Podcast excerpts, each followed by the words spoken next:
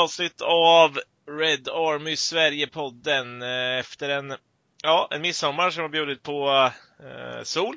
Den har väl bjudit många på, eh, antar jag, en del nubbe och lite sill och potatis och prinskorv och allt möjligt. Men även bjudit på eh, Manchester United som har gjort eh, en comeback i, i eh, eller comeback kanske man ska säga. Men de har startat upp eh, Premier League igen och United har gjort sin första match mot Tottenham Hotspurs. Eh, och i dagens program har jag med mig som vanligt Adam Stenberg, Mikael Krekula. Välkommen gubbar!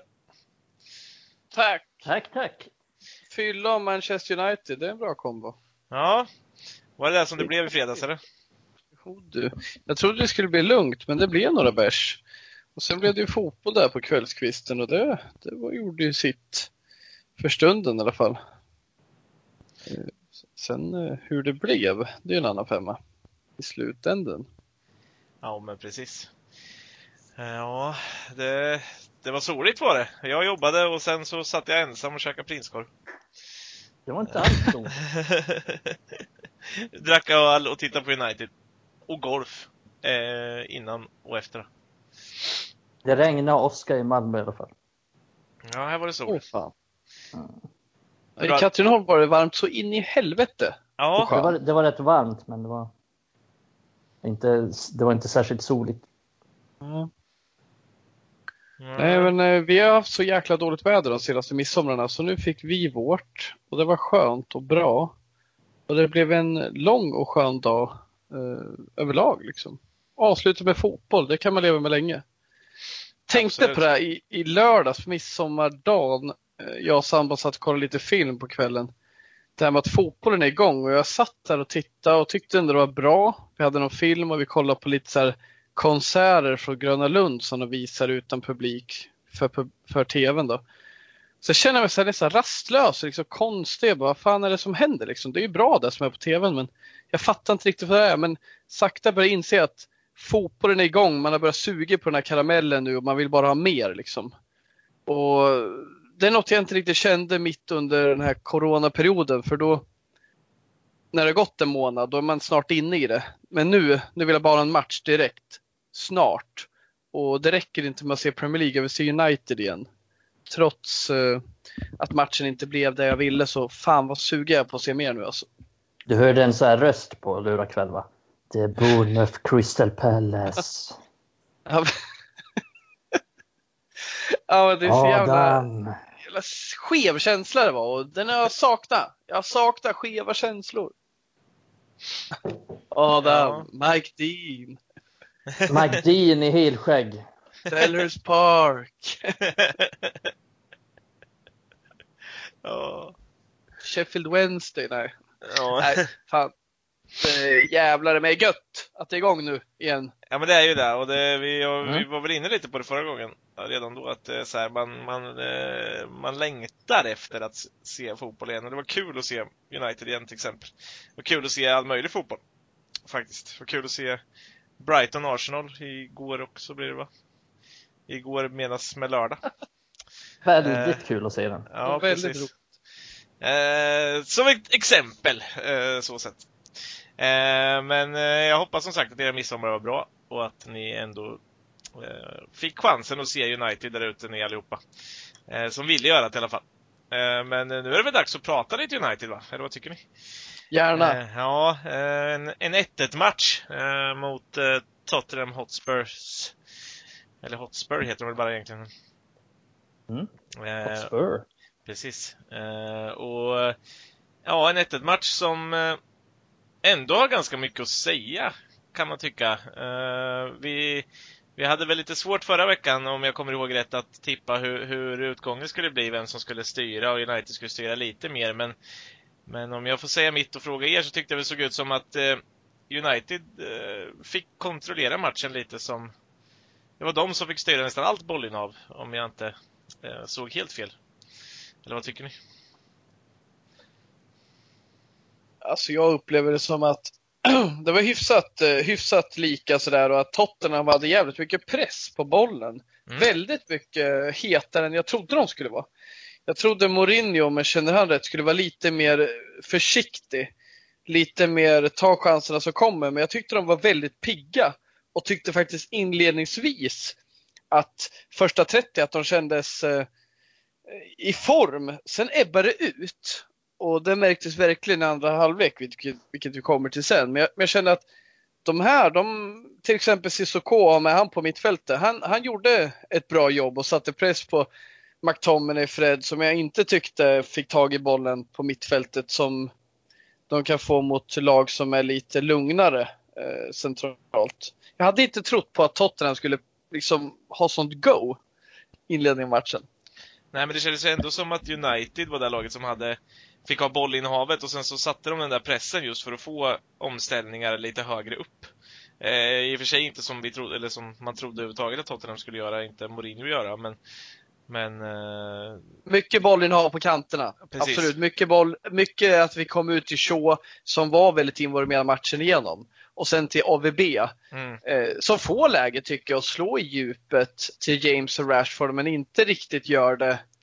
Eh, I alla fall inte Macurates. Och det, där lider vi av. Men, men jag känner att absolut, vi har mycket boll. Och en sån här som Bruno får ju inte alls särskilt mycket boll i första halvlek, vilket man kunde önska. Och där ser jag att Fred och McTominay inte kommer till rätta den här matchen. Jag tycker inte de hittar Fred, eller jag, säger, jag tycker inte de hittar Bruno.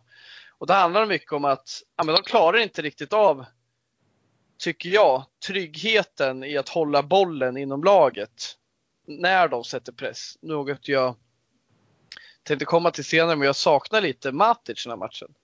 Som absolut inte är någon tempohöjare, men en som är trygg med att ha bollen centralt när det blir lite press och hitta olika spelare. Mm. Mm. Ja, de var ju väldigt hafsiga tycker jag, både Fred och McTominay. Tappade ganska mycket boll och slog felpassningar. Eh, många enklare också som de försökte slå upp. Eh, jag minns Fred ett, ett tillfälle försökte slå upp mot Bruno Fernandes men missade med tre meter. En ganska enkel passning. Eh, nej, så att jag håller med om det.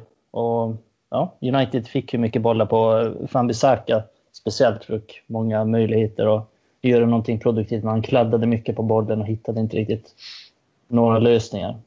Lite snabbare release där. Det var att föredra. Mm. Och det syntes ju framförallt i början på matchen hur många gånger som McTominay kom sent i, du- i duellerna.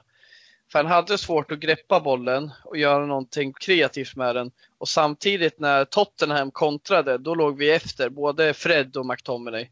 Och en sån här som, eh, eh, ja nu kommer jag inte på namnet på honom, men, ja, men typ Son och eh, när de får vända upp, då hinner vi inte med riktigt. Och hur fan, ja, Harry Winks, det är han jag fram. Harry Winks får visa sig liksom. Mm. Han, han är inte bättre än varken McTominay eller Fred.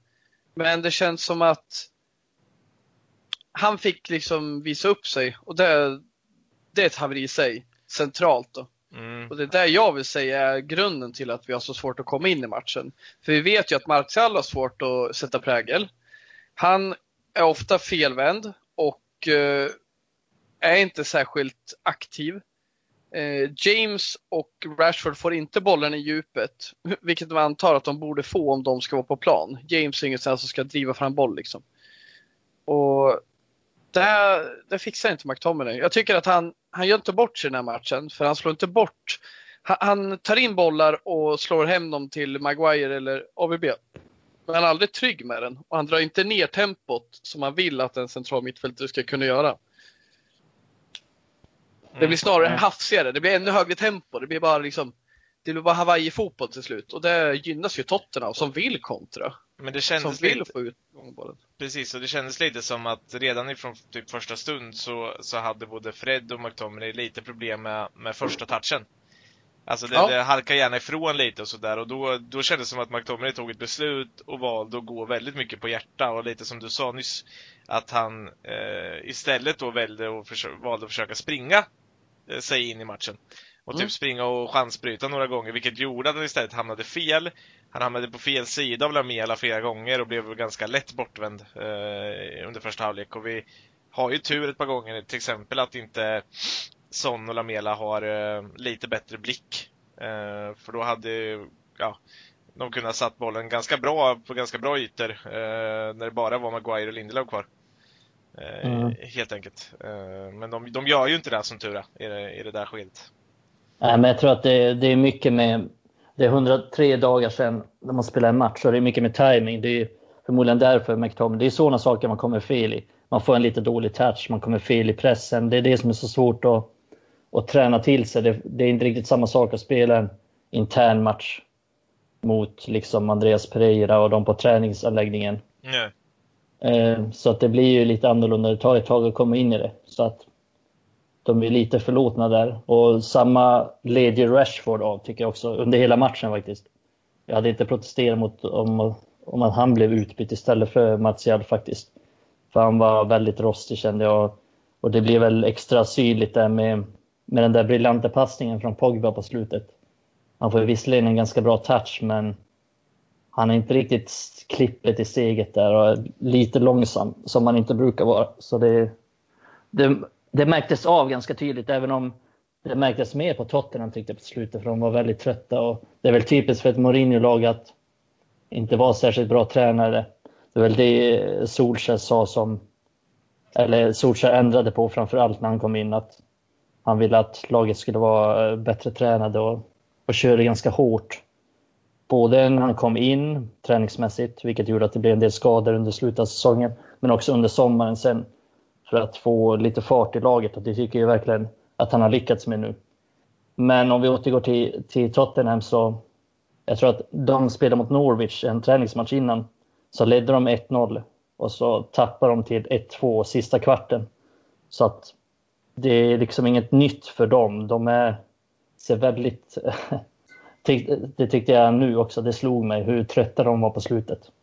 Men Mourinho gjorde inte så många byten heller. Jag tror han bara gjorde två stycken. United gjorde väl Gjorde alla de fem va? Ja. Mm. Eh, och det där är väl någonting som jag tror alla måste komma ihåg att, att alla spelare har faktiskt haft det här uppehållet överhuvudtaget. Eh, och det är en jävla skillnad då som du säger ha en träningsmatch eller eh, springa runt på träningsplanen möta sina egna medspelare eh, till att vara inne i det här matchtempot och, och, och allting sånt.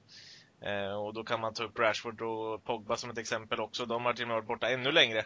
Och under större den här tiden så har de rehabbat också. Eh, Mm. Vilket gör att de har ännu mindre träning på matchplan eller på plan överhuvudtaget än vad de andra har. Eh, rent krasst. Mm. Ja, men det är ju verkligen en stor skillnad. Det vet man ju. Även fast man inte har spelat på någon superhög nivå själv så vet man ju vilken... Direkt man kommer ut i en match, matchsituation, typ så här första träningsmatchen för säsongen eller, eller så. Man är ju helt lost på planen. Ja. Det känns som, det känns som att vara i, i Stilla havet. Liksom. Det, man är så, planen är så stor och man är så, så off i all timing och så. Så att det är inte jättekonstigt, men tyckte United gjorde det bra stora delar av matchen. Ja, eh, och jag tror lite det där som kanske missgynnar just att eh, Fred och McTominay var dåliga, det gjorde att Bruno kände som att han kom lite längre ner i planen. Eh, Rashford ville bli involverad i första, vilket gjorde att han hamnade lite överallt på planen till slut. Och var nere och, och tog ansvar på högerkanten ganska långt ner. Eh, De vred runt lite och, och han var nere ganska djupt, ner hos Shaw också ett par gånger, bara för att få lite boll. Eh, Mm. Som de kanske inte fick annars. Eh, Men, men jag tänkte, vi var ju, det jag ville ta upp, som vi var inne på där, och det var väl kanske det som, som sviktade störst hos United, det var ju högerkanten, eller en triangel till höger som, som inte fungerade. Ja. Eh, och det var ju Ja. AVB, James och McTominay. Ja, det hände för lite med dem tillsammans där på kanten. AVB och James har vi sett tidigare. Där de tillsammans funkar ju mot lag som har lite högre backlinje. Och till och med AVB kan slå lite längre bollar på James och det är enkelt. Vi såg det inte minst mot typ Brighton. En sån här match där James hade lekstuga med Dan Burn. Och då funkar ju han. Men i det här fallet så har vi eh, två spelare i AVB och James som inte är jättetrygga med att ha bollen nära fötterna och inte kommer göra några underverk mot eh, stadiga försvarare. Och det får ändå Ben Davis se som en stadig försvarare liksom. Det är ingen Dan Burn. Men, men samtidigt också McTominay där att ja, men han kommer inte göra något annorlunda än dem. Han kommer liksom inte driva in mot kanten och vika in. Och han, han är högerfotad han med. Alla är högerfotade. Eh, Alla är begränsade i sin teknik. Och eh, det James Ja, ska göra är ju att sticka iväg i vissa matcher. mm. när han klarar av det. Men i den här matchen, det, bara, det står still. Det händer ingen skillnad. Och det är frågan om inte liksom man skulle ha rört om lite där om man nu eh, föredrog att ha McTominay och Fred på plan, att inte sätta ut Fred till höger istället någonting. För vi har sett det här tidigare med McTominay till höger med AVB. Det, det blir liksom inte jätteintressant. Nej, alla de vill ju gå längs kanten också. Alla de vill gå på utsidan. Det hade varit skillnad om det var, som du säger, kanske en vänsterfotad ytter. Mm. Eller Sancho till exempel, som vill gå in, även fast Sancho är högerfotad så, och, han spelar, och kan spela på högerkanten så går han ändå in i planen. Det är ju absolut inte James någon gång. Han vill gå på ytter, yttersidan och det vill Van Bissaka också, vilket ju, det blir svårt att överlappa då. Det är lite enklare på andra sidan för Rashford går ju oftast in i planen, vilket öppnar upp för en överlappning. Nej, så det, det är ett stort problem och, och där så läste väl Solskär av det lite fel kan jag tycka. Ja. För, att, för att det blev en match där Tottenham backade hem till slut ganska mycket mer och James kom inte alls till sin rätt. Så att det bytet borde ha kommit lite tidigare än 60 till och med. Kanske redan i paus. Ja, men precis. Jag tänker på Greenwood-bytet. Ja, precis. Ja, det förändrar ju allt. Och det, där har vi en vänsterfotad som gillar att kliva in och som kan hålla i bollen. Vänta in spelare på att fylla på. Det gör det roligare för AVB att spela, det gör det enklare för honom också. Mm. Och Det är kanske där vi ska spela framöver.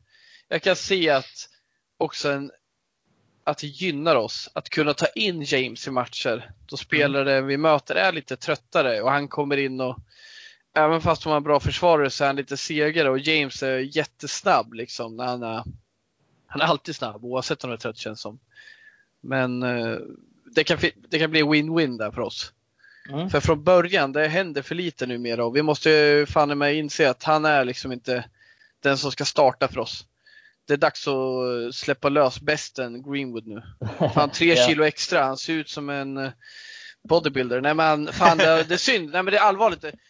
Tre kilo, det är ju inte mycket egentligen, men det syns på honom att han har tränat och han eh, börjar växa till sig. Han är ingen mm. grabb längre. Han ska in i A-laget. Ja, nej men för, for the record och kanske sägs inte alls som vet så har han eh, tydligen gått upp tre kilo muskler under, under uppehållet så att han ser ganska mycket eh, bitigare ut och, och har kört hårt på gymmet, inte så mycket löpträning. Så eh, nej, det, det ser intressant ut. Och, och, för att lägga till mig i James eh, Greenwood-diskussionen så har ju James inte gjort mål sedan augusti i Premier League. Han har inte gjort någon assist sedan december. Så att det är inte bara det att han passar sämre, att han bara går på utsidan och det hämmar AVB. Utan det är också det att han presterar inte så mycket poäng. Eh, vilket är problematiskt för en ytter Manchester United. Så det är ja. det också, att känslan när, när Greenwood kommer i ett läge, som på slutet, då känner man, jag tänkte fan nu gör jag mål. Ja. Och det var lite så här, det är 50-50 är känslan om man gör mål eller inte. Men hade James kommit liksom en mot en situation, vilket han såklart har gjort många gånger under matchen, då, då känner man ingenting alls egentligen. Utan man känner, ja, han kanske kommer förbi på kanten och sen slår han ett inlägg. Och, det händer inte så mycket mer. Han är, han är aldrig riktigt nära på att göra något mål eller komma i, i sådana lägen. Han är såklart en annan typ av spelare, men vi behöver någonting annat än James just nu. Jag håller ja, med om att man är en bra inhoppare. Ja, han kommer göra guld ifrån sig i matcher där vi tar ledningen med 1-0 och de behöver trycka fram lite, då mm. kommer det komma ytor som han kan gynnas av och då blir det roligare för honom också att lira fotboll. För nu kan inte han tycka det är kul för han fan bidrar inte tillräckligt. Mm. Jag tänkte sig inför matchen att ja, men han väljer James i matchen för att han ska vara med i pressspel och vara med och gynna oss på ett annat sätt än Greenwood gör. Men det händer inte heller. Jag tycker han springer bort sig. Jag tycker han är för sen och seg och det är det här med matchtempot och grejer ska sägas, ingen är jättebra i vårt pressspel. Men. James tycker jag blir ännu tydligare än tidigare. Hur, för han tycker ändå skött sig hyfsat i pressspelet. Andra matcher. En sån som Bruno känns som han jobbar själv i presspel den här matchen. Han springer som fan och de andra hänger inte med och jag vet inte om han tar han eget initiativ. Han och viftar och bara kom igen nu. Nej exakt, ja. det känns lite som att det är eget initiativ. Ja men lite så. Och det, det kändes som att det inte var det var inte tajmat som vi såg i slutet uh, utav, uh, innan uppbrottet. När, uh, när ändå Martial, Rashford och, och James Henderson, att de verkligen gjorde det tillsammans och då med Bruno också fick en ja, väldigt bra press på motståndaren. I den här kändes det som att vi körde som vågor. Lite, ja men nu kom du, ja nu körde du, nu, nu körde du ja, ja okej. Okay. Uh, och så fortsatte det så lite matchen igenom. Mm. Uh, men en sak jag tänkte på som har varit en ganska stor vattendelare ändå bland fans, det är ju såklart Paul Pogba. Skulle han ha startat? Så med kortet på bordet så, ja det är ja. såklart, det är lätt att säga nu att han ska starta. Men, men jag såg faktiskt inte det inför matchen, vilket vi nämnde i podden tidigare vi hade. Mm. Att liksom, vi har haft, gjort skitbra ifrån oss. Vi har gjort bra ifrån oss mot både sämre lag och väldigt bra lag utan Pogba. Och vi har gjort bra ifrån oss med Fred och Matic då framförallt. Jag tycker det var det som var problemet. Mm. Och alltså offensiv, jag tycker vi skapar chanser. Men med Matic, alltså hans trygghet med att ha bollen, det saknades ju. För när de sätter press, vi skulle gynnas av någon som kan dra ner bollen i lägena vi behöver och även kan slå bollen framåt i vissa lägen. Han gjorde det mot Bruno, mot Everton och så vidare. Men vi kommer tillbaka till det här att det är klart jag hade velat ha Pogba på plan, men jag såg inte att det riktigt behövdes i den här matchen. Men som det led, vi var jättedåliga och det handlar om Fred och McTominay för mig. Så det är såklart, Martial var skitdålig längst upp. Rashford med. De var mm. lika mm. dåliga ska sägas. Det är lätt att peka på Martial. För mm. han har inte varit lika bra i år som Rashford. Men båda var lika uddlösa. Mm. Men med Matic tror jag att vi hade haft mer grepp på matchen. Och för att inte tala om defensiven, vilket vi kommer in på också. Jag tror till exempel att Matic hade räddat upp bollen på ett annat sätt till upprinnelsen till målet från mm. Eh, Bergwijn. Det är inte så att ja. Matic är superhjälte och hade hoppat in där och bryter bollen, men det finns en nakenhet mellan försvar och mittfält som Matic i mångt och mycket förebygger när han är med. Och det finns så mycket vi får i honom och som vi saknar han inte med. Och med Matic och Fred och Bruno, mittfältet vi hade mot City, tror på ett bättre utfall i den här matchen. Men eh, det är klart man ska snacka om Pogba nu. Alltså han var ju så jävla grym. Det är klart vi saknade honom. Alltså vi, vi var så jävla dåliga först och när han kommer in, han gör, han gör allt så bra. Han ja. krånglar aldrig till det. Han lämnar över bollen enkelt. När han får chansen, då bara drämmer han iväg den. Mm. Åh, fina var alltså. Ja, man... Nej, det är som en helt annan aura kring eh, laget också. Vi snackade om det med Bruno tidigare, men här blir det ännu tydligare tycker jag. Det är som när han kommer in på planen och alla kollar bara på honom känns som. Han är ju verkligen i fokus. Och... Men eh, för att återgå till Matic, jag mer blev förvånad över att han inte startade. Jag tänkte att jag var nästan helt säker på att Matic skulle starta. Ja, med tanke på Solskjärs ord eh, under, under vet du, upprinnelsen till matchen och allting så här veckorna innan här nu att han har varit så imponerad över Matic hur bra tränad han var när han kom tillbaka och allting sånt. Så, så, så speglade nästan allting att han skulle spela. Mm. Kändes mm. som. Ja, men han verkar gilla McTominay som fan.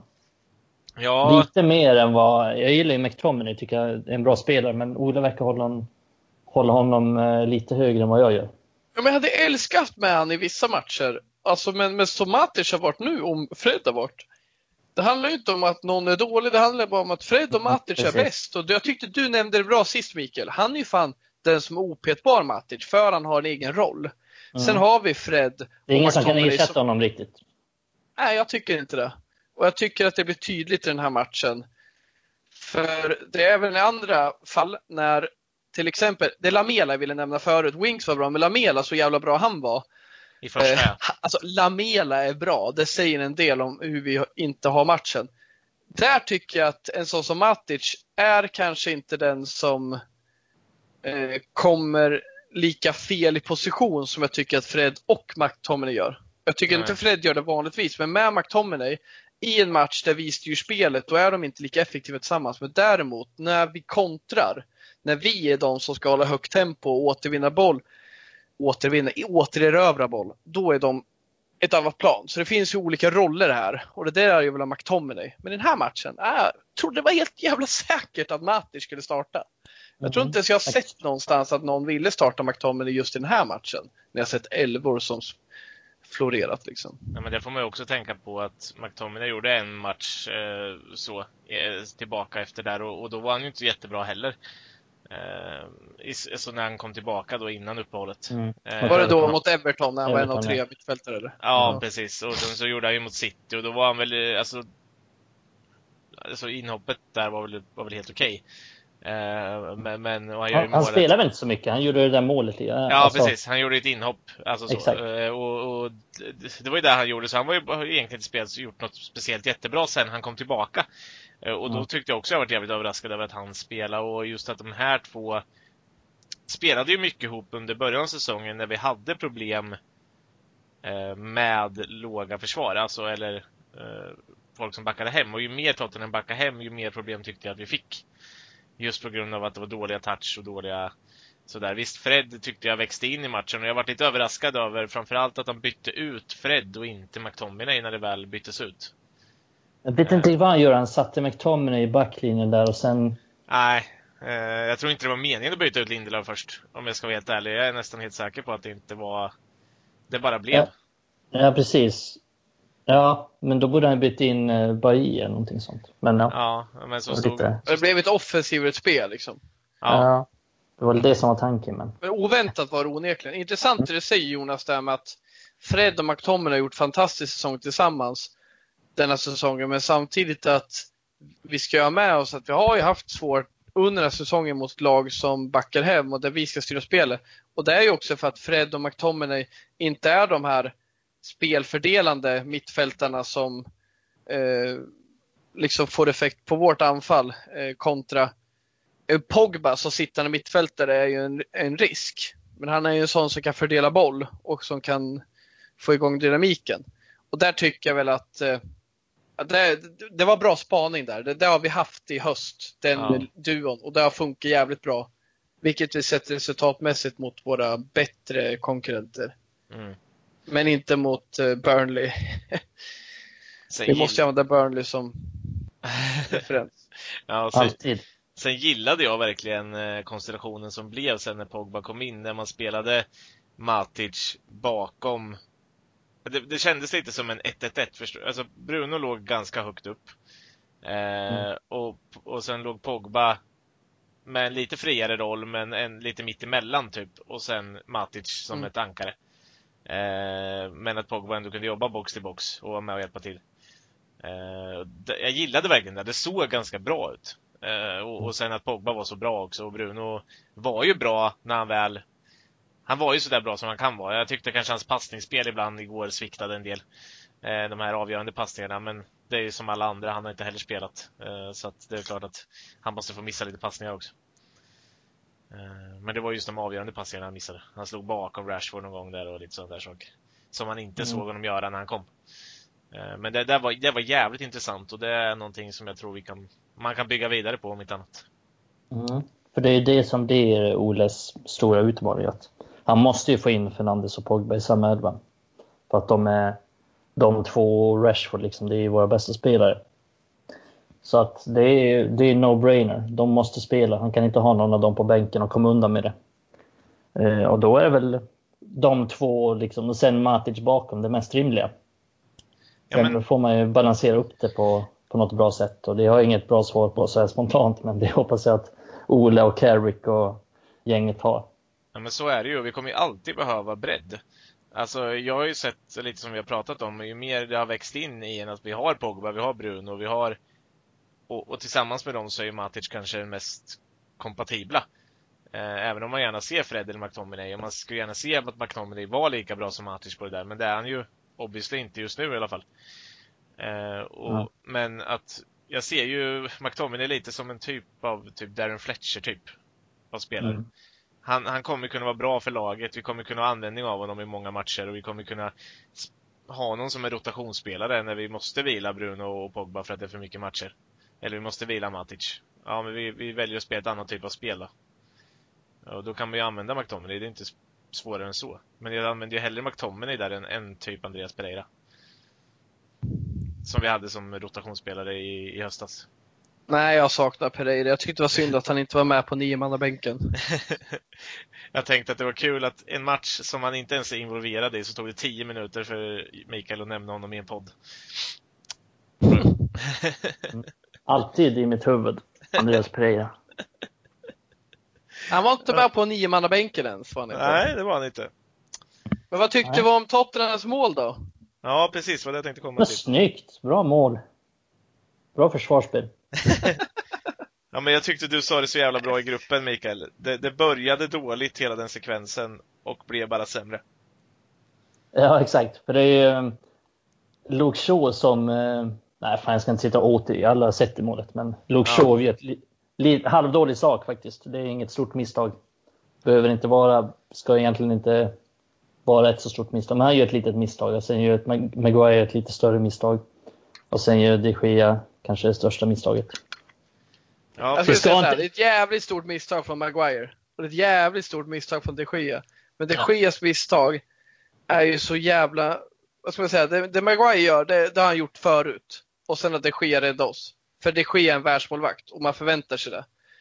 Maguire ska inte göra bort sig där. Men de Gea ska fan inte släppa in den bollen. nej. Det där är inget svårt skott. Den går ju mitt på honom. Alltså, hade han inte varit på den med handen så hade den tagit i axeln på honom. Alltså, och typ gått rakt fram, ut, rakt ut igen.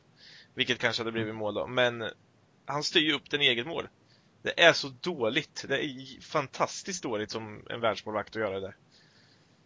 Han har gjort några sådana. Ja, är. Just precis sådana typer av misstag.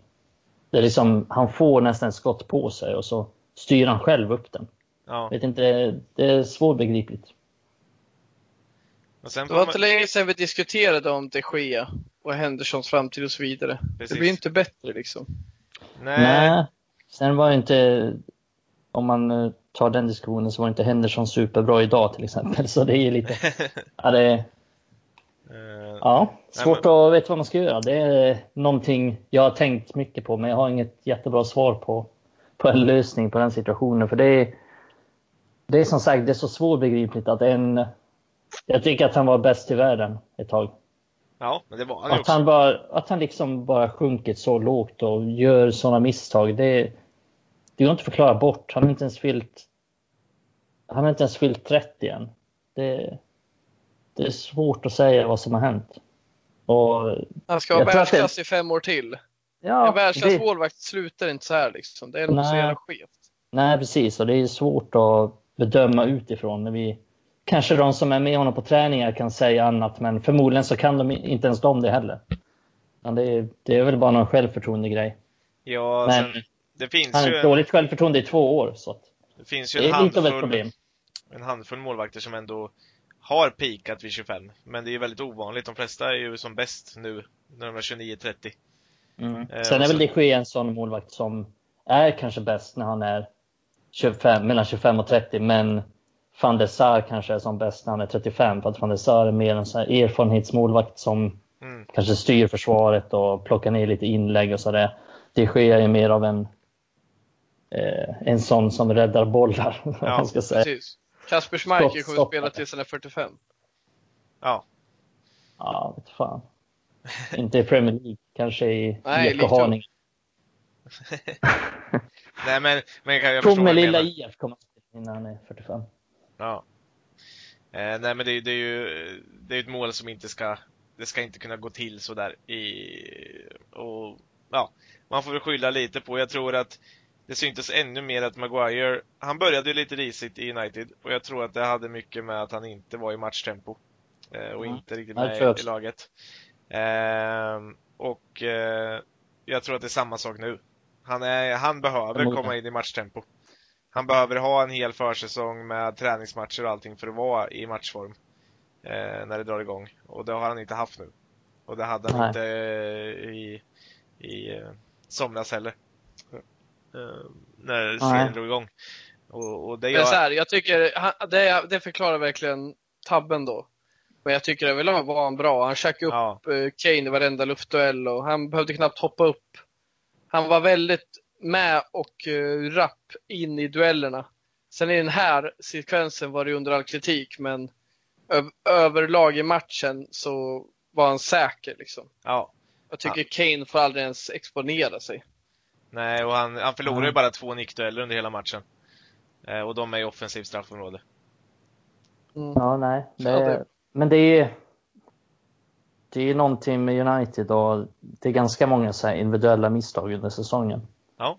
Känner jag som, alltså så här små saker som eh, eventuellt som senare leder till ett baklängesmål. Det är inga så här grova, miss, alltså så här grova missar som räknas som en tydlig tabbe, men det är hela tiden sådana här man kan ganska tydligt se, typ i den här matchen nu, att ja, men Maguire är helt ute och cyklar där och sen gör de Gea ett dåligt ingripande.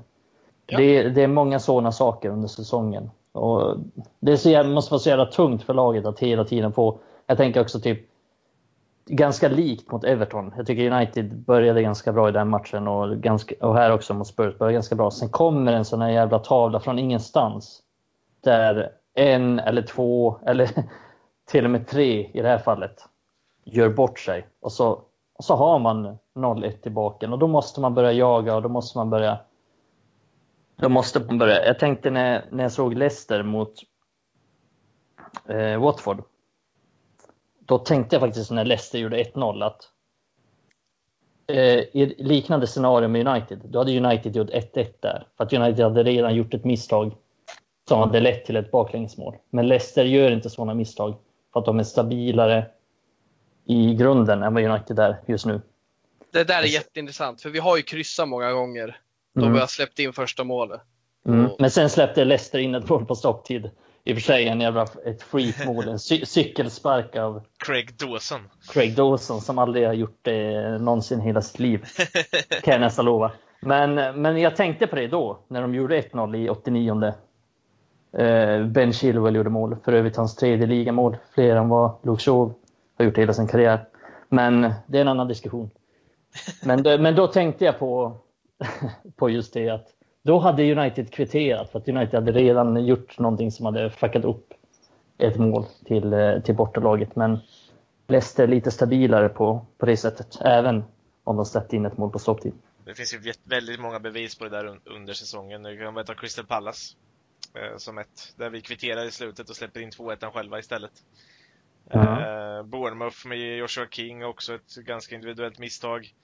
Eh, men Mm. jag tycker vi även i matcher vi har ledat, alltså där vi har kunnat hålla en nolla till exempel då. Eh, ta Norwich eh, som ett exempel då när Onel Hernandez helt plötsligt springer igenom hela eh, Mm. laget bara och gör ett mål.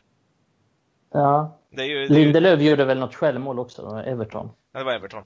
Eh, Mm. Och det är så här, det Everton hemma då. Väldigt mycket bajsmål där inte motståndarna gör något superbra för att göra målet. Ja, men det är så enkelt att göra mål på United ibland. Nu har det väl varit bättre på slutet, men överlag har det ju varit så under säsongen att United har ägt mycket boll och United har ägt många matcher. Men som helt plötsligt bara kommer ett mål från ingenstans och man bara va? Jaha, det Ja. var det. Det var den veckan det. Man liksom, man liksom väntar sig det också. Nej, men eh, har vi någonting att avsluta Spurs-snacket med eller? Har ni några ord? Vi var värda mer tycker jag, trots att vi var dåliga. För jag tyckte Spurs var så pass eh, eh, svaga. Att eh, med det vi re- levererade i andra halvlek så borde vi få till något mer. Jag tycker Martials eh, avslut var värt att ha bättre. Och Mm. Hugo Lloris räddar Tottenham i mångt och mycket. Ja, trots att vi är så bra. dåliga. Han var bra. Det, det här är väl ingen ursäkt, men jag hade lite känslan av att hade matchen spelats 10 minuter till så hade United vunnit. Men ja. Hade matchen spelats mot ett annat lag hade Lloris gjort en tabbe. ja, det, är också. Det, är, ja, det är många Han sådana saker, men det är, Dålig målvakt tycker jag.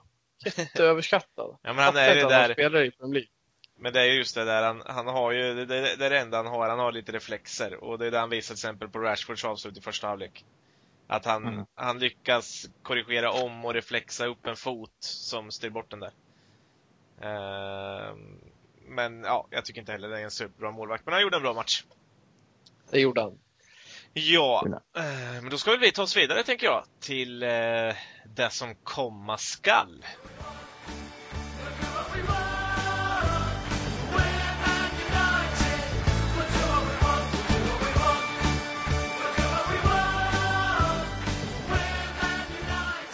Ja, och veckan som eh, kommer här nu då, eh, så har vi två matcher för Manchester United. Vi kommer möta på onsdag eh, Sheffield United i ligan, Premier League. Och skål. Igen. Eh, och sen har vi en eh, fa Cup-match mot Norwich i, i helgen som eh, kommer också. Men vi tänker väl att vi fokuserar snacket mest runt eh, Premier League-matchen här nu på onsdag mot eh, Sheffield United. Eh, och ett, ett Sheffield United som, ni får tänka på att vi spelar in det här på söndagen. så har de idag va, blir det väl? Mm. Fått stryk utav Newcastle med 3-0. Yes. Eh, dock med ett rött kort strax efter halvlek, men eh, alltså Sheffield United som kommer in i det här med endast en poäng på, på två eh, matcher så här efter uppehållet. Ja, det känns ju som det är ett jävligt bra tillfälle att få möta dem. Mm. Eh, har inlett rätt svagt. Eh, skulle väl egentligen ha haft med sig en tre poäng mot eh, Villa ja. efter lite strul med kommunikationen kan man säga gällande VAR och Goal Line Technology och så vidare. Men eh, de eh, kommer ju ha lite avbräck som det ser ut. Eh, Jan Egan blev ju utvisad idag mot Newcastle och Henderson får ju inte spela mot sin moderklubb, den han tillhör. Och Ja, Jack O'Connell har jag inte riktigt koll på om han är tillgänglig eller inte på onsdag, men det jag vet är att han inte var med idag mot Newcastle. Så det skulle innebära att tre av deras eh, försvarare, eller förs tre i deras försvar eh, saknas potentiellt på onsdag och det är ju ett försvar som alltjämt är intakt. De vill inte gärna sära på det en spelare som Phil Jagielka kom in inför säsongen, eh, återvändaren till moderklubben. Mm. Eh, men han har ju knappt spelat en match. Han har startat Nej, de... en match den här säsongen. Nej, de, gillar inte by... de gillar inte att byta det. De har ju kört med ja, i, princip, i, i princip samma startelva, men framför ja. allt backlinjen och målvakt ja. har, har de verkligen inte velat byta i.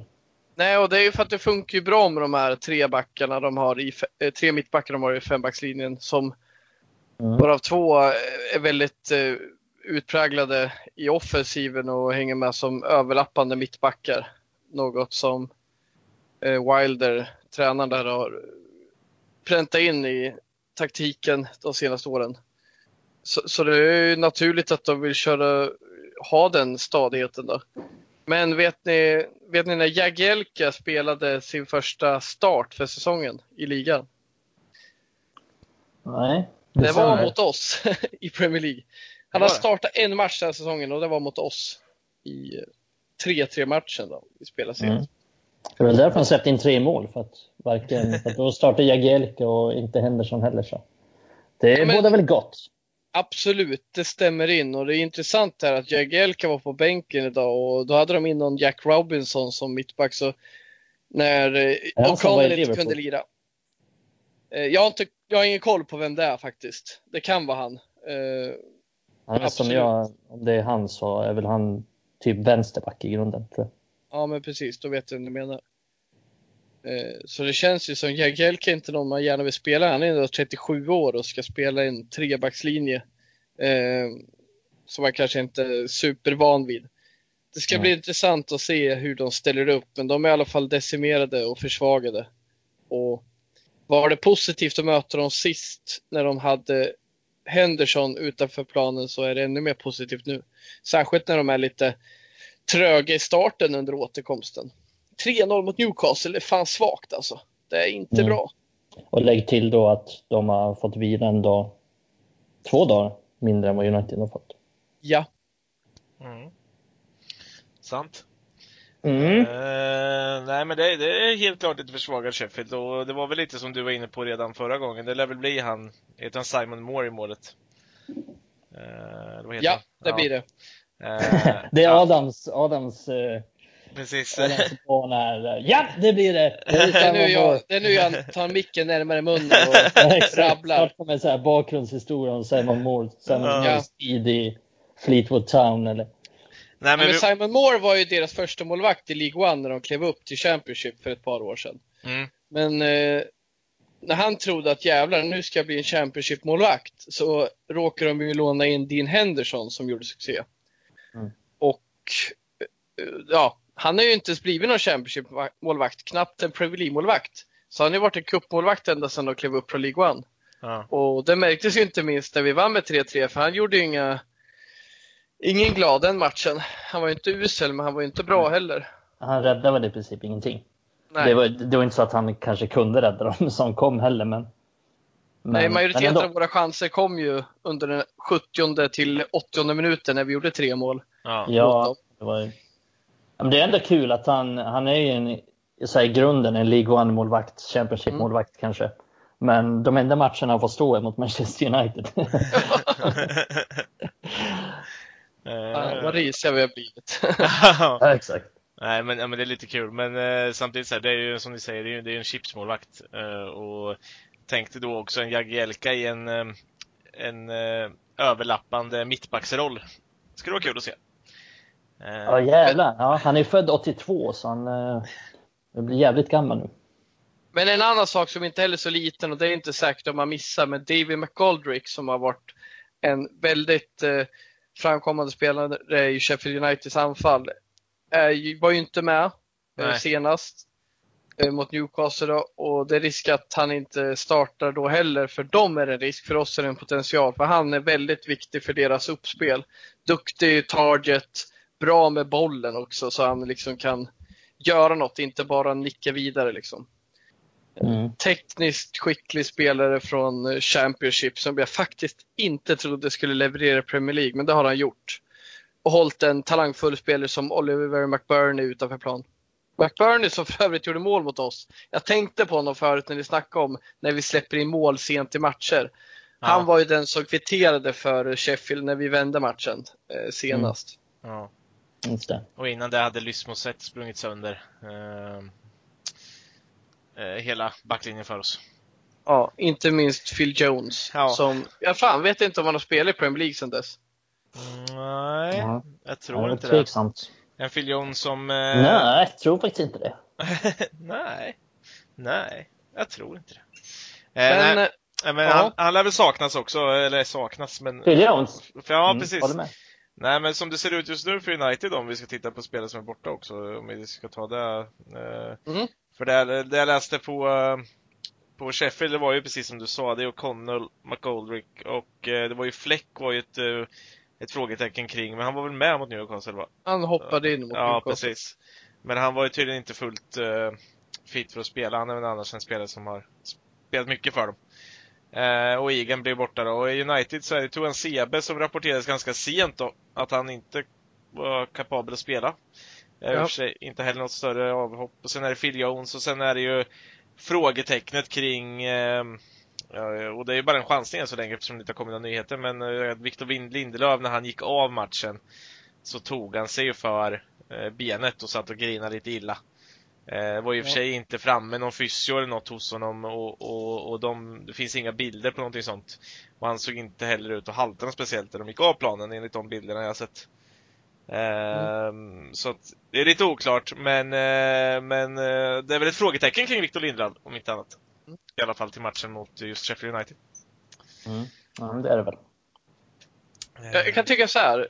Jag är ju ingen jättefavorit av Erik Bajy, men jag känner ändå att den här matchen skulle kunna passa honom ganska bra. Deras Mm. anfallare de spelar med är i regel nickstarka.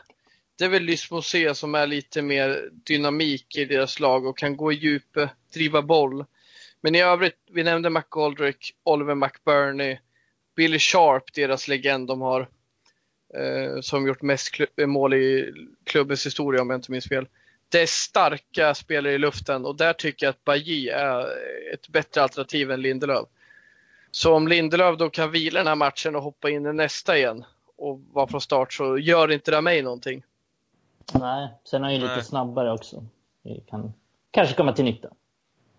Mm. Absolut. Sen beror det på lite hur han väljer att ställa upp i en sån här match igen då. Eh, Sist vi mötte Sheffield så, så valde han ju trebackslinjen, eller ja, fembackslinjen eller vad man nu får kalla det. Mm. Men sen bytte han i andra halvlek. Precis. Och då, då det gick bättre. Mm. Ja, det var ju ett haveri i sig. Ja, Och frågan är om liksom, ja, inte det hade lite med att man hade Jones i laget också. Ja. I den där trebackslinjen. Men nej, men det var inte mycket annat som funkade heller. Ska väl påminna om att vi hade Pereira och Fred som centralt mittfält. Och det hoppas jag aldrig att jag behöver se igen. Fy fan, det var jobbigt att se. Ja. Ja, jag minns den matchen att eh, vi hade inte så mycket alternativ. McTominay hade nyligen Nej, blivit skadad. Matic var på väg tillbaka med knappast något förtroende från varken Solskären el- eller oss då. Så vi satt där och funderade, jag kommer ihåg vi snackade om det i podden, att man kanske skulle ta in Garner där. Det var inte jättelätt för Ola att välja, men Nej. Pereira och Fred, det blir för yvigt. Det är två Ja. yviga spelare liksom som går Desto mycket på instinkt. nu. Desto bättre nu. Mm. Fred ja. Nu är det ju, ja nej, men alternativen. Ja, ja Fred Ja, också. Men alternativ. eh, bättre alternativ nu också. Så att det, det blir ju verkligen intressant att se hur Ole ställer upp med, med hela Pogba-situationen. Han kan ju knappast bänka honom igen. Nej. Eller? Nej, och, Nej, det kommer han inte göra. och framförallt inte i en sån här match tror jag där vi definitivt kommer möta ett lag som, som står lite lägre. Mm. Eh, Alltså det ska ju bli intressant att se hur han formerar mittfältet. då. Vi var ju inne på det lite i Tottenham-matchen, men ja, han måste ju, han, han petar ju inte Bruno Fernandes heller. Så att, men jag misstänker väl att han, som jag, min känsla är att han, han vill hålla kvar vid sin 4-2-3-1 väldigt gärna, Ole. ja. Och han kommer spela Pogba som någon slags sittande, kanske bredvid Matic. Och så kommer Bruno vara tia. Det är vad jag tror. Ja, jag, men jag skulle vilja se det där när de vred upp det lite. Jag vet inte om det var Ja, jag vill så. också se honom längre fram. Men jag tror, jag tror ju att Alltså han har svårt att inte ge honom en friare roll nu när Bruno finns där också. För Bruno är ju inte helt oäven att göra ett hemjobb. Det, det, det syns ju på honom. Alltså så sett. Det är ju inte Det är inte eh, Andreas Pereira som springer runt eller springer runt i cirklar. Alltså så. Eh, Ja, ja, ja, ja. Sen är det ju det som du säger, ja, han är ju kär i 4-2-3-1. Mm. Det känns ju som att det kommer kunna bli det. Men han är svårt att peta bort Pogba till den här matchen. Det tror jag. Om man inte vill ha allt för mycket storm runt omkring sig. Ja, nej. Är, men jag blir besviken om har kör någon så här 4-2-3-1 och så har han Pogba. Pogba som liksom hämtar bollar vid Maguire. Ja. Mot, mot ett sittande Sheffield United. Det känns Ja. som ett jävla slöseri. Och jag tror faktiskt att det är så han kommer göra. Men jag hoppas inte att han kommer göra så. Jag hoppas att han kommer ha Pogba högre upp. Men jag vet inte hur han ska lösa det. ja, men jag tror att Matic klarar av det där. Jag tycker han visar det, framförallt mot Tottenham nu också när han väl kommer in. Han, han kan ta bollen där nere, kan transportera förbi någon spelare och slå de där, eh, alltså 10-15 meters passningarna eh, som, som skär någon spelare och sen kan Pogba och Bruno arbeta därifrån. Eh, jag tror inte det, jag, jag, skulle, jag, tror, jag tror på det, men sen är det ju synd att säga att man ska peta Fred och sådär också, men, men det tror jag skulle vara absolut bästa. Mm. Nej, men det är... Ja. Nej, jag håller med dig faktiskt. Att eh, just mot Sheffield United också som... Jag ser, alltså Sheffield United ligger sexa eller sjua kanske de ligger nu, men Ja. jag är inte så rädd för deras offensiva hot. Liksom. Det, de kommer spela ut på kanten kanske och så kommer de slå inlägg. Det är väl så de kommer göra. Jag är inte så rädd för att vi kommer bli så exponerade på mittfältet. Att de har ingen offensiv inne mittfältet liksom, som kommer hitta luckor mellan vårt försvar och mittfält. Så att, ja, jag är, jag är nog lite inne ändå på, att, på din linje där med ha Matic som sittande och sen Pogba och Bruno lite högre upp faktiskt. Eh, kör på för helvete! Upp med allt! Ja. Eh, och sen är vi där vi har pratat om innan också, just att man i ännu en sån här match då, där det inte kommer vara en Daniel James-match, så måste vi kunna få se en Greenwood. Mm. Nej, jag kommer... Får inte Greenwald starta den här för James, då är det jättemärkligt. Så det...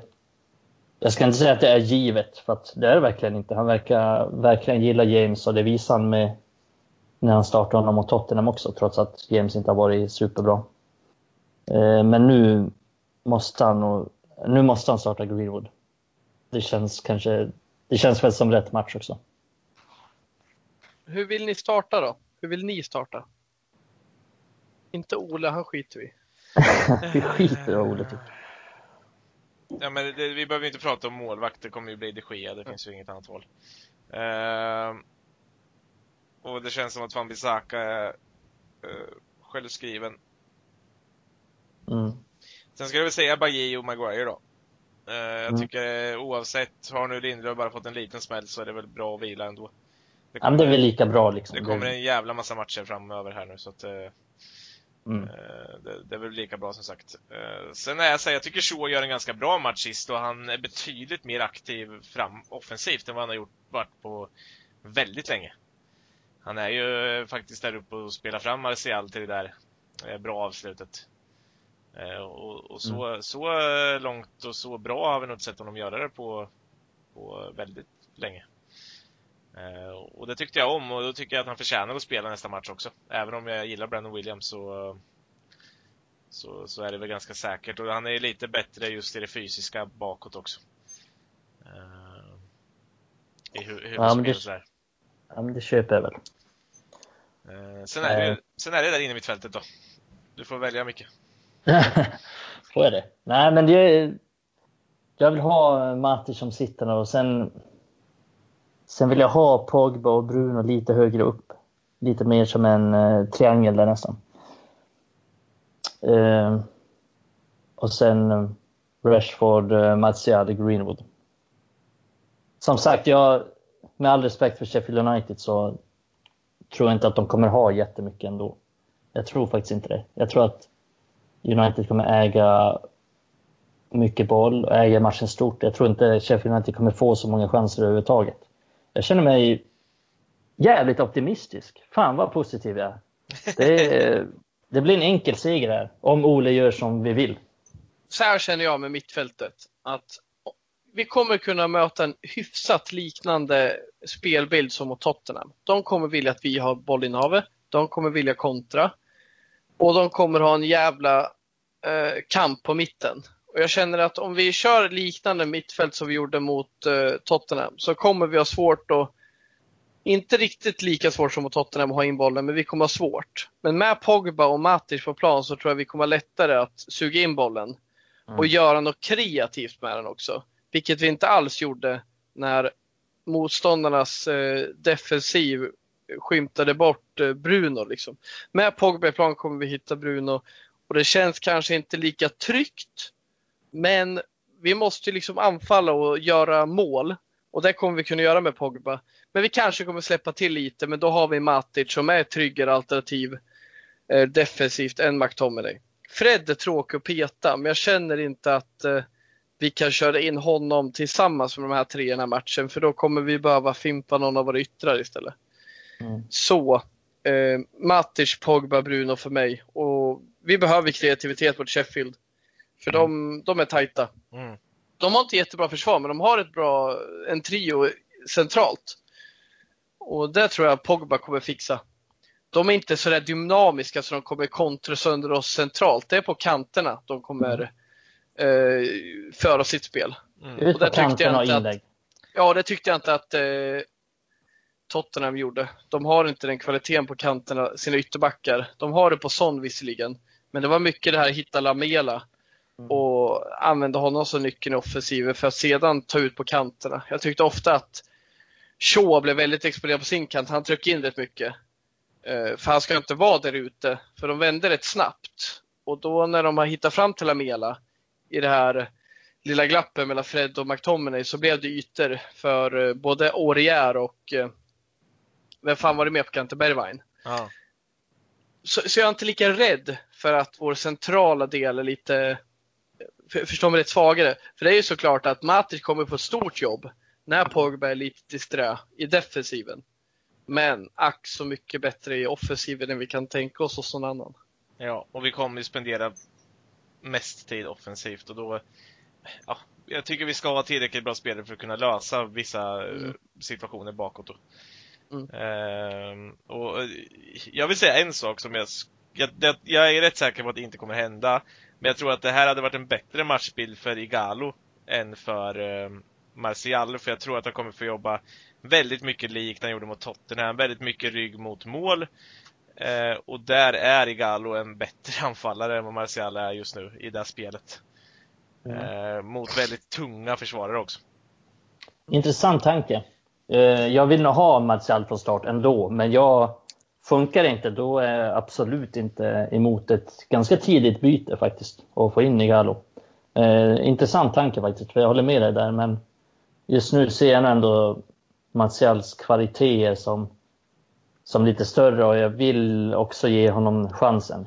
Ja, det vill jag med. Och jag, jag, jag ser Första matchen en... och så vidare och så vidare. Och så vidare. Det... Han behöver ju matchtempot han med och det är väl klart mm. att vi behöver en Martial mer i form än vad vi behöver en Igalo. Men, men just bara mm. om jag skulle bara titta på motståndet och jag skulle bara gå efter det och spelarnas uppenbara kvaliteter så, så tror jag att det hade varit en match som passat Igalo ganska bra. Eh, I det mångt och mycket. Mm. Eh, sen får han inte göra som han gjorde mot Tottenham när han är nere och, och hjälper Van Bissaka för då eh, har vi inte så mycket nytta av honom i offensiven sen. Nej, det är sant. Eh, Van Bissaka behöver ingen hjälp. Nej, men han var ju där nere någon gång. Jag var så jävla sjukt när man såg honom mot Spurs och bara helt plötsligt dyker Igalo upp i, i högra, delen, högra hörnet av eget straffområde.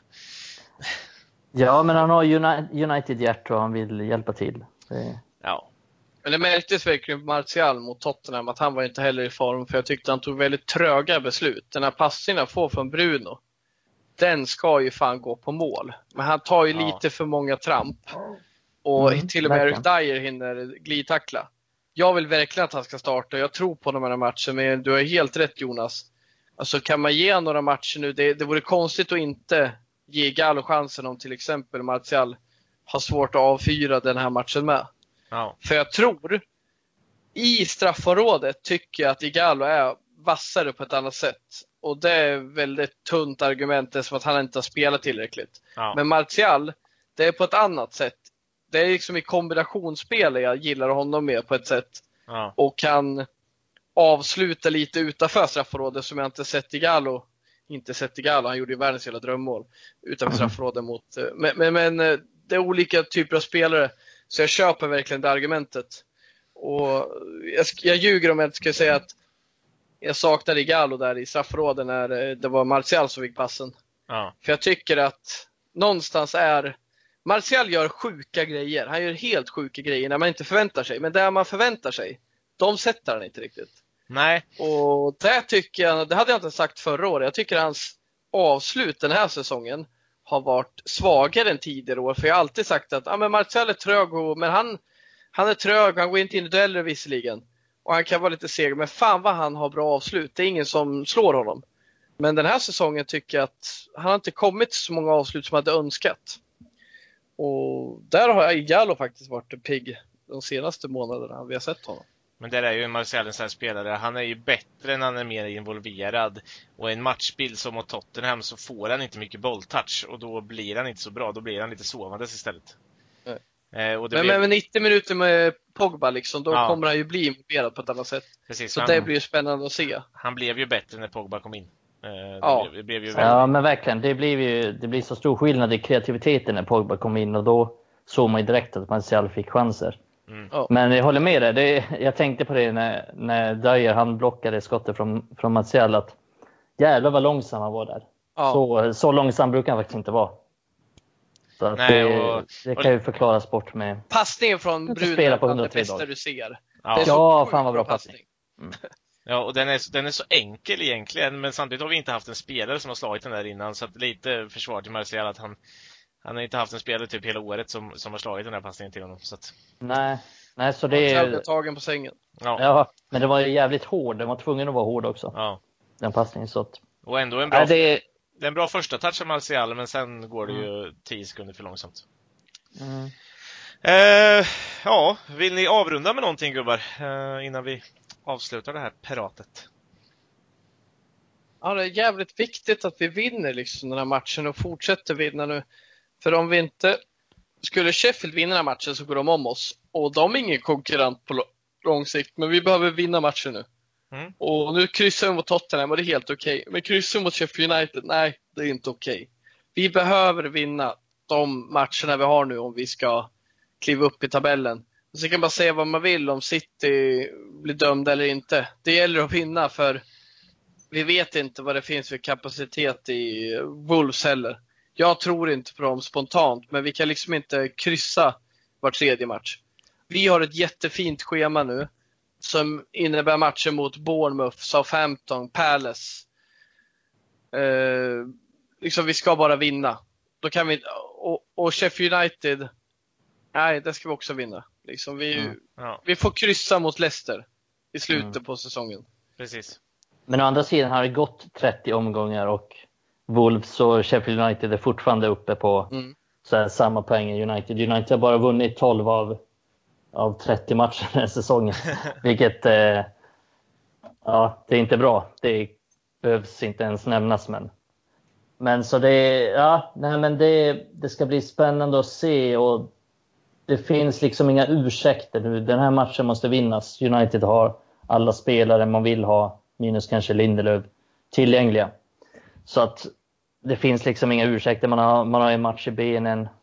Eh, så att det är verkligen upp till bevis nu. Och jag vill se bra fotboll förutom en vinst. Så att det, är, det är höga krav nu. Det, det börjar bli dags att leverera på riktigt. Ja. Ja, det, det, det är bara att instämma helt enkelt. Och eh, med de där orden så får vi avrunda det här poddavsnittet. Och jag vill tacka Adam, jag vill tacka Mikael för idag också. Så uh, hoppas vi att vi hör er, eller hoppas vi att ni lyssnar även nästa vecka. Då kommer vi gå igenom den här Sheffield United-matchen. Och eh, så får vi se vad som händer framöver. Men eh, glöm inte att eh, ja, gilla inlägget på Facebook, följ oss på Spotify. Allt det gamla vanliga tjafset jag brukar dra upp här så eh, hörs vi. Bye bye!